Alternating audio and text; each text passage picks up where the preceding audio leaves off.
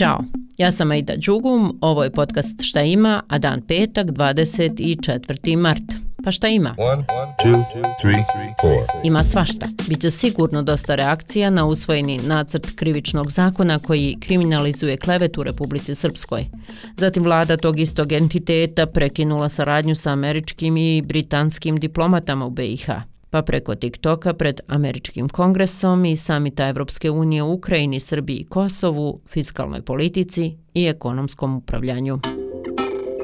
O svemu tome će danas da se piše i komentariše.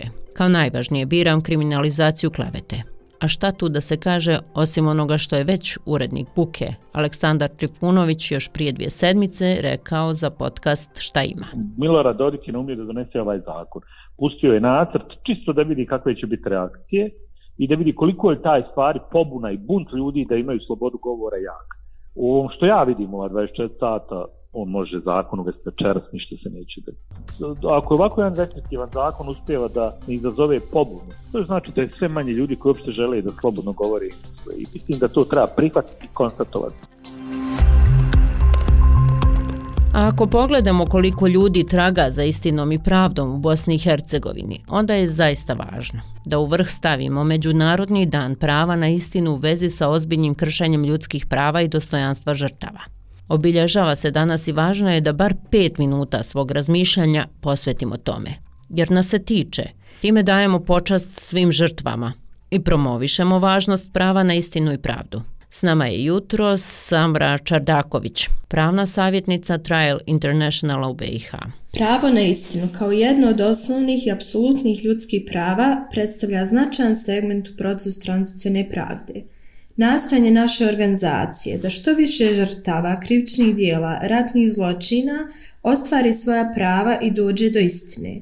To je veoma značajno za sistem u kojem se uvažavaju i poštuju ljudska prava, kažnjavaju počinioci ratnih zločina i uspostavlja adekvatan sistem reparacije. Samo da podsjetim na između ostalih neriješene slučajeve stradalih mladića Dženana Memića još iz 2016. i Davida Dragičevića iz 2018. Kao i to da se iz zadnjeg rata u BiH i dalje traga za više od 7600 osoba. A od danas će se u Mostaru na Kantarevcu čuti radosti dječija graja, jer se otvara prvi osjetilni park, inkluzivni, što je prevažno za djecu koja ga trebaju. Jedan od projektnih partnera na ovom Inclusive Play IPA projektu prekogranične saradnje je Los Rosales iz Mostara, čija nam direktorica Mirna Mezit objašnjava zašto je važan. Kroz ovaj projekat dio sportskog centra Kantarevac doživio transformaciju u prvo inkluzivno osjetilno igralište u Mostaru sa velikim brojem novih sprava za igranje i košarkaškim terenom sa prilagodnim koševima. Prostor igrališta je osmišljen tako da svojim elementima i sadržajima omogućava učenje kroz razna osjetila, potičući djecu i mlade na kretanje, razvijanje pažnje i stimulaciju osjetilnih sistema, koristeći igru kao osnovni medij za učenje. Namjena parka Kantarevac će poboljšanje kvalitete života djece i mladi sa poteškoćama u razvoju, kao i poticanje inkluzije na području grada Mostara kao i šire. I na kraju ću o jednoj sjajnoj ideji. U Francuskoj i Belgiji testiraju ideju socijalna sigurnost za hranu, jer cijene hrane rastu širom svijeta. Pristup zdravo ishrani je u padu. I dok se ljudi bore sa najvećom krizom troškova života u jednoj generaciji, piše BBC, nevladine organizacije, farmeri, istraživači i građani eksperimentišu sa idejom da kvalitetna, hranjiva i organska hrana treba da bude dostupna svima, bez obzira na prihode.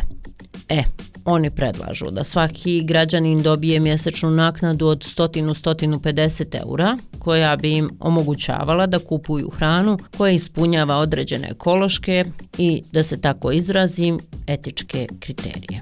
E šta reći nego putuj Evropu, nemoj više čekati na nas. A Lela joj poručuje da ipak malo pričeka. Pozdravlja vas Lela i misli na Evropu. A pozdravljam vas i ja. Do ponedjeljka.